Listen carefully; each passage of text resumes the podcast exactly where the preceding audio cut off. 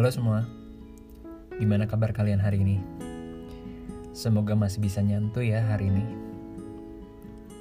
Sebelumnya gue mau ngucapin selamat datang ke kalian semua di saatnya kita santuy podcast. Semoga kalian bisa menikmati, bisa enjoy, bisa asik mendengarkan uh, setiap SKS yang ada di podcast ini. Podcast ini nantinya bakalan gue isi tentang apa ya pengalaman-pengalaman gue uh, iya pengalaman-pengalaman gue selama gue menjadi mahasiswa. Karena gue rasa selama kurang lebih 4 tahun gue jadi mahasiswa banyak pengalaman yang gue dapat banyak cerita-cerita seru yang gue dapat pengalaman hidup yang gue dapat dan gue rasa hal-hal itu semua uh, apa ya menarik juga nih kalau gue bagikan ke kalian semua gitu. Dan gue rasa dari pengalaman-pengalaman gue itu bisa jadi manfaat juga bisa menjadi gambaran juga buat kalian buat uh, yang dengar podcast ini gitu. Oke. Okay. uh, eh, gue sekarang masih statusnya masih jadi mahasiswa walaupun udah tingkat akhir di salah satu kampus swasta yang kata orang sih kampus swasta terbaik di Indonesia letaknya sih di Bandung tapi bukan di Bandung kota. Ya di pinggirannya kota Bandung lah. Uh, identik dengan warna merah. Buat kalian yang tinggal di Bandung dan sekitarnya pasti kalian tau lah kampus apa namanya ya. Walaupun Bandung itu banyak ya kampus yang identik dengan warna merah tapi uh, ini kampus punya keunggulan lah setidaknya. Katanya sih yang terbaik di Indonesia. Oke. Okay. uh, eh, gue di sini bakalan cerita masa-masa transisi gue ya dari SMA ke kuliah. Karena uh, ini menarik banget sih dari awal-awal aja gue ngerasain kayak lumayan ngejomplang bedanya dari statusnya siswa menjadi mahasiswa gitu dari tanggung jawab lu yang berubah, dari pola pikir lu yang harus berubah, dari pola hidup lu yang harus berubah. Pokoknya banyak lah yang banyak lah perubahan yang terjadi itu. Apalagi buat lulus semua, buat kalian semua yang merantau nih. Wah, itu udah beda banget lah. Karena udah lu harus adaptasi dengan suasana yang baru lu juga uh, nggak adaptasi dengan suasana lu yang baru juga tetapi adaptasi dengan diri lu sendiri karena diri lu sendiri juga bakalan banyak perubahannya gitu. Nah dulu gua ini uh, sekolah di salah satu SMA favorit negeri di kota Depok. Jadi gue nih tinggal di Depok dan gue ke Bandung. Nggak tahu sih itu namanya merantau atau enggak ya karena ya deket banget gitu kan. Tapi setidaknya gue juga berarti apa ya harus survive dengan kehidupan gue di kota orang gitu. Yang beda lah walaupun deket juga tetapi beda uh, pola hidupnya suasananya lingkungannya beda lah. Nah uh, apa ya sebelum masuk itu gue mau ngomong ini adaptasi ini kalau menurut gue ya adaptasi itu ada dua. Adaptasi yang cepet sama yang susah banget nih. Adaptasi yang gampang sama adaptasi yang susah. Adaptasi yang gampang tuh contohnya kayak lu emang uh, dulu dari SMA lu pengen kuliah nih di salah satu kampus yang lu pengen emang banyak alasan yang yang ngejadiin kepengen kuliah di sana gitu. Dari program studi yang lu pengenin dari emang kampusnya yang lu pengenin dari daerahnya yang lu pengenin gue yakin orang yang punya pemikiran seperti itu pasti uh, apa ya punya waktu adaptasi yang lebih cepat. Tapi beda juga dengan orang yang lu pengen kuliah di kampus B tetapi eh lu lu kuliah di kampus B tetapi kampus itu tuh enggak bukan menjadi kampus yang lu tuju jurusannya pun nggak sesuai dengan keinginan lu. Daerahnya pun uh, apa ya daerahnya pun bukan daerah yang lu suka gitu. Nah itu gue yakin juga kalau orang yang pu uh, yang punya hal seperti itu pasti adaptasinya lebih sulit. Nah dari kedua itu gue ngerasain yang sulitnya tetapi nggak semuanya yang gue bilang tadi itu gue nggak suka enggak gue nggak suka dengan satu hal aja sih. Gue nggak suka tuh karena gue jujur aja gue nggak terlalu suka eh, nggak uh, suka untuk uh, kuliah di kampus ini nih. Gue kampus uh, swasta gitu kan. Sedangkan gue uh, SMA negeri alumni alumninya track recordnya bagus nih pada masuk negeri semua. Sedangkan gue masuk swasta sendiri gitu. Ya dulu kemakan gengsi juga sih gitu kan. Nah untuk suasananya eh untuk daerahnya gue suka. Di Bandung itu gue suka. Karena di dataran tinggi yang hawanya lebih sejuk itu gue suka. Uh, untuk lingkungannya nggak terlalu gue suka. Karena ternyata gue pas baru baru ke sini tuh kayak langsung uh, first impression gue pas waktu gue ada di kampus ini. Ini kok kampus kayaknya apa ya ngap banget gitu. Kanan kirinya tuh nggak ada apa ya itu rumah penduduk semua gitu kan. Terus nggak rata-rata jorok gitu kan kayak yang ya gitulah. Uh, lingkungannya nggak semuanya sih tapi ya rata-rata kayak yang gitu kumuh lah gitu. Aduh bisa nggak ya gitu? Untungnya gue dulu satu tahun pertama gue di asrama yang asrama itu tuh uh, masuk di lingkungan kampus dan jadinya uh, apa ya lingkungannya tuh kualitas lingkungannya juga diperhatikan lah sama kampus gitu. Dan ini juga bakalan gue cerita nanti di SKS SKS berikutnya tentang masa-masa asrama gue yang menarik juga buat ceritakan ke kalian gitu. Apalagi ya buat kalian yang pengen uh, asrama nantinya gitu kan bisa jadi bahan uh, gambaran buat kalian. Oke lanjut lagi. Dari situ gue ngalamin yang namanya agak sulit buat beradaptasi kayak yang dulu. Aduh sampai pulang tuh seminggu sekali dua minggu sekali itu pulang dulu orang tua sih nggak apa-apa ya awal-awal kayak masih masih ini ya namanya juga kan ini ya kayak awal-awal sering balik mereka juga maklumin mereka juga kangen sama-sama kangen gitu kan ya. Tapi kalau udah keseringan kan ya jebol juga di ongkos gitu.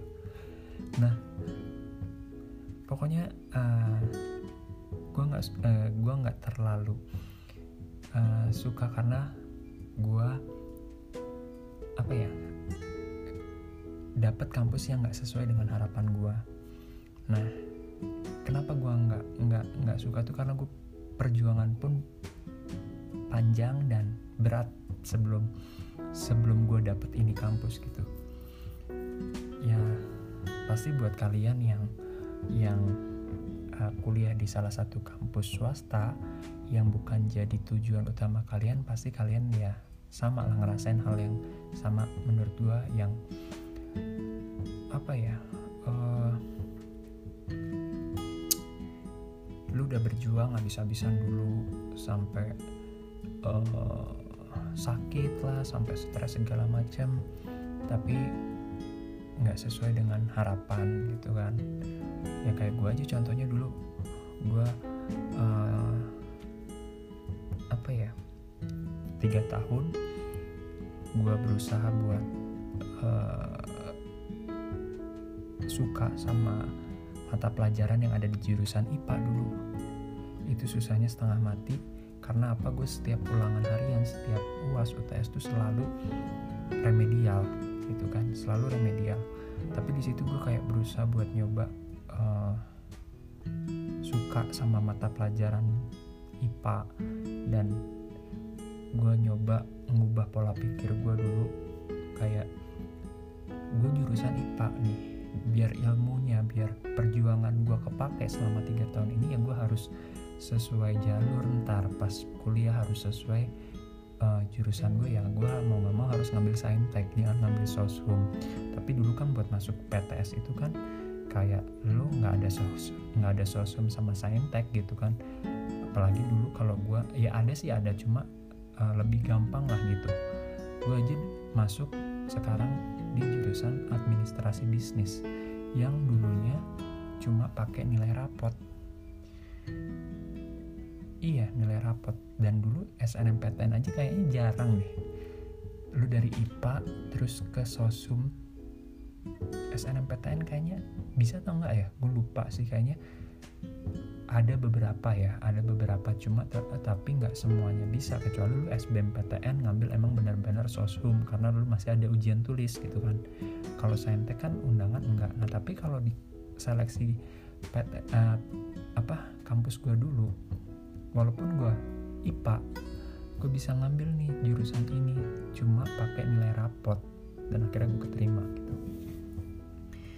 Pokoknya gue pengen cerita ke kalian uh, kehidupan kampus tuh emang kehidupan kuliah tuh emang apa ya? Emang begitu gitu. Kalau kalian uh, lebih ini ya dengar lebih banyak dengar cerita kalau kuliah itu banyak decline kuliah itu uh, dosennya banyak yang cuek-cuek kuliah itu apa ya? Ya lebih serem lah daripada SMA yaitu gue nggak bisa nyalahin juga. Itu ada benernya juga tapi ya nggak semuanya gitu. Karena ya tergantung kita juga gimana menghadapinya gimana cara nanggapinnya gitu kan. Tapi gue di sini pengen berbagi ke kalian kalau semua itu bisa kok kalau kita emang benar-benar enjoy benar-benar santai menghadapinnya adaptasi ya kalau misalkan adaptasinya gampang karena lu udah kebawa enjoy dari awal ya gampang banget nih. Tapi kalau yang kasusnya kayak gue yang yang tadi gue bilang adaptasi yang sulit gitu coba deh lu flashback dulu ke belakang lu coba uh, apresiasi diri lu sendiri gitu lu hargai diri lu sendiri. Karena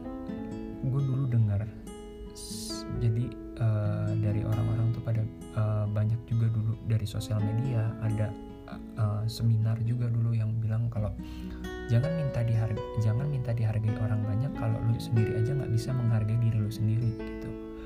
Dan itu selama gue kuliah gue benar-benar uh, ngerasain hal itu sih. Oh iya gue sama diri gue aja dulu nggak bisa menghargai nih gitu. Nggak bisa menghargai nih diri gue sendiri atas pencapaian yang bisa gue uh, apa ya, atas pencapaian yang udah gue dapet gitu. Oke okay. uh, eh, mungkin gini. Apa ya? Uh,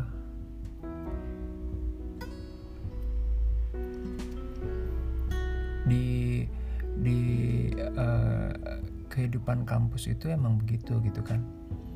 Cuma gue bisa nyiasatinnya kayak kayak tadi.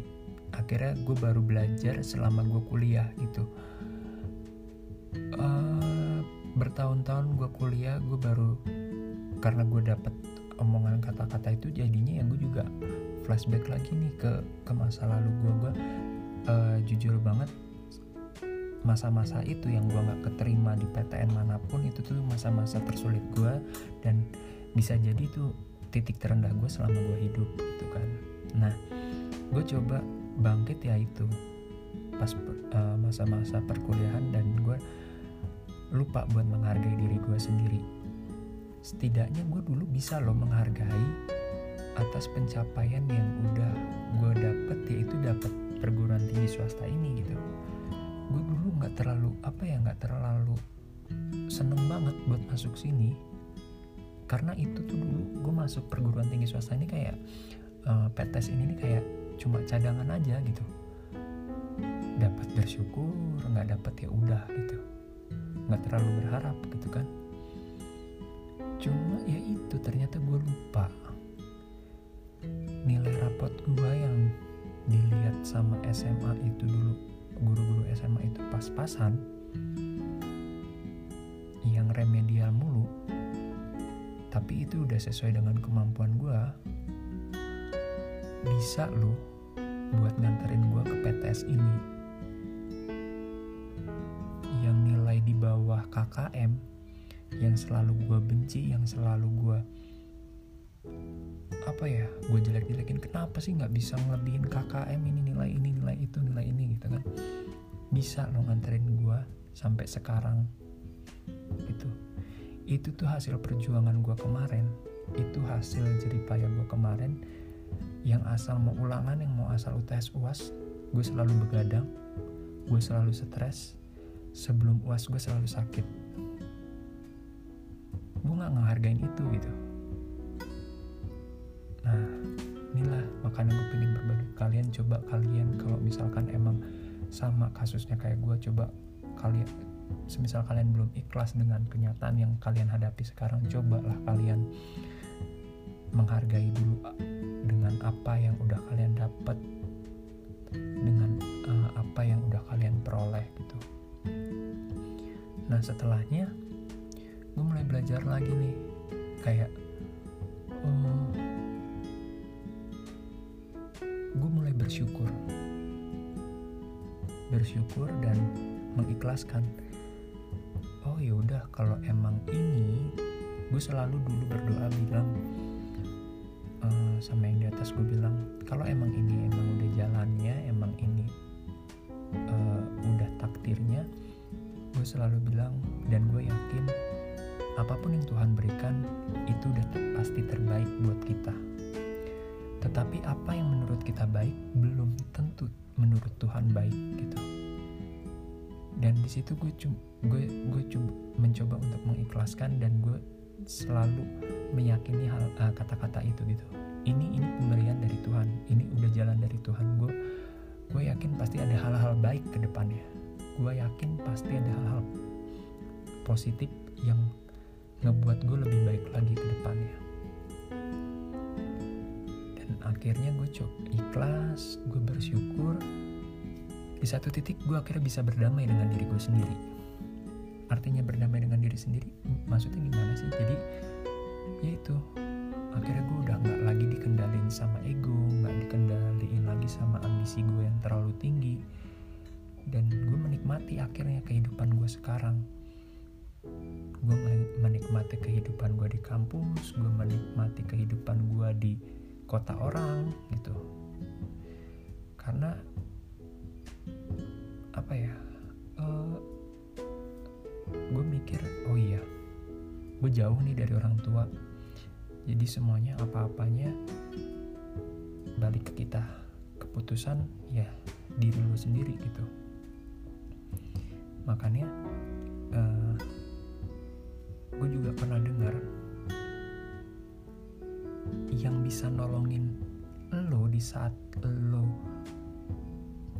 lagi susah di saat lu terpuruk pun ya diri lu sendiri gitu. Contohnya gini deh. Lu dulu ngerasain remedial berkali-kali waktu SMA apa iya orang tua lu yang ngerjain akhirnya bisa jadi nggak remedial? Enggak kan? Apa iya tiba-tiba jadi di atas KKM walaupun itu orang tua lu sendiri orang terdekat lu sendiri gitu. Yang masih satu darah yang ngelahirin lu. Mereka nggak bisa ngebantu kita pas waktu itu. Mereka hanya hanya cuma nyupport kita ngedukung kita. Yo belajar lebih maksimal lagi. Pasti gitu kan? Coba dilihat lagi yang salah yang mana aja coba diperbaiki lagi. Paling gitu doang. Nggak nyampe tuh dia ngerjain pas kita lagi remedial dia ngerjain mereka yang ngerjain. Buat soal remedial itu enggak kan? Nah itu gitu. Di keadaan terpuruk apa pun yang lo hadapin ya diri lo sendiri yang bakalan uh, nolongin gitu. Nah itulah yang gue rasain juga selama gue uh, kuliah di beda kota akhirnya banyak yang hal-hal positif yang gue dapet. Gue bisa ngatur kehidupan gue secara mandiri gue bisa ngatur keuangan gue gue bisa ngatur pola makan gue sendiri uh, belajar segala macam sendiri. Nah pilihan. Lu mau milih yang baik atau buruk lu gimana cara lu ngendaliin itu semua mau yang baik atau buruk. Nah itu pilihan lagi. Nah itu sih banyak banget. Kalau dijabarin jadi panjang ya jadi hal-hal hal-hal positif yang didapat tuh selama gue kuliah di sini. Nah ya itu sih yang pengen gue kalian eh, yang pengen gue kasih ke kalian. Uh, adaptasi itu emang gak gampang adaptasi itu emang sulit. Apalagi kalau kasusnya kayak gue lu emang gak menginginkan itu semua terjadi tetapi lu harus bisa dan harus mengikhlaskan itu semua. Jadi adaptasi itu sangat sulit ya kan? Sangat sulit. Tetapi gue sendiri mencoba untuk menikmatinya gue mencoba untuk bisa lebih santai lagi menghadapi hal-hal itu semua dengan cara ya itu tadi. Coba deh kalau kalian sama kasusnya kayak gue coba kalian untuk menghargai diri kalian sendiri dulu mengapresiasi diri kalian uh, uh, diri kalian sendiri. Terus setelah itu dengan apa yang udah kalian dapatkan dengan apa yang udah kalian uh, capai coba kalian uh, menghargainya meng mengikhlaskan ya bersyukur gitu bersyukur dengan apa yang udah kalian dapat gitu. Akhirnya bisa kalian untuk berdamai dengan diri sendiri. Berdamai dengan diri sendiri itu tuh menurut gue tuh ketika suasananya tuh udah apa yang dulu kita rasain bukan jadi uh, apa ya keinginan kita bisa kita terima dengan ikhlas bisa kita jalani dengan itu menurut gua berdamai dengan diri sendiri itu bisa ngendaliin ego-ego kita ambisi kita jadi nggak nggak lagi kita apa ya ya kayak gue dulu. Contohnya gue pengen di PTN ini dengan jurusan ini. Gue pengen itu aja saklek itu aja gitu kan. Nah itu belum berdamai kalau menurut gue itu belum berdamai dengan diri lu sendiri. Lu bisa lu emang kalau lu pengen di uh, kampus itu pengen di jurusan itu tetapi sesuai dengan kemampuan lu sesuai dengan kapasitas lu oke fine fine aja tapi kalau misalkan kapasitas lo dan kemampuan lo nggak mencukupi untuk hal itu itu artinya lo belum bisa berdamai dengan diri lo sendiri oke cukup sekian dulu untuk SKS kali ini. Semoga bermanfaat buat kalian. Bisa kalian ambil hal-hal positifnya.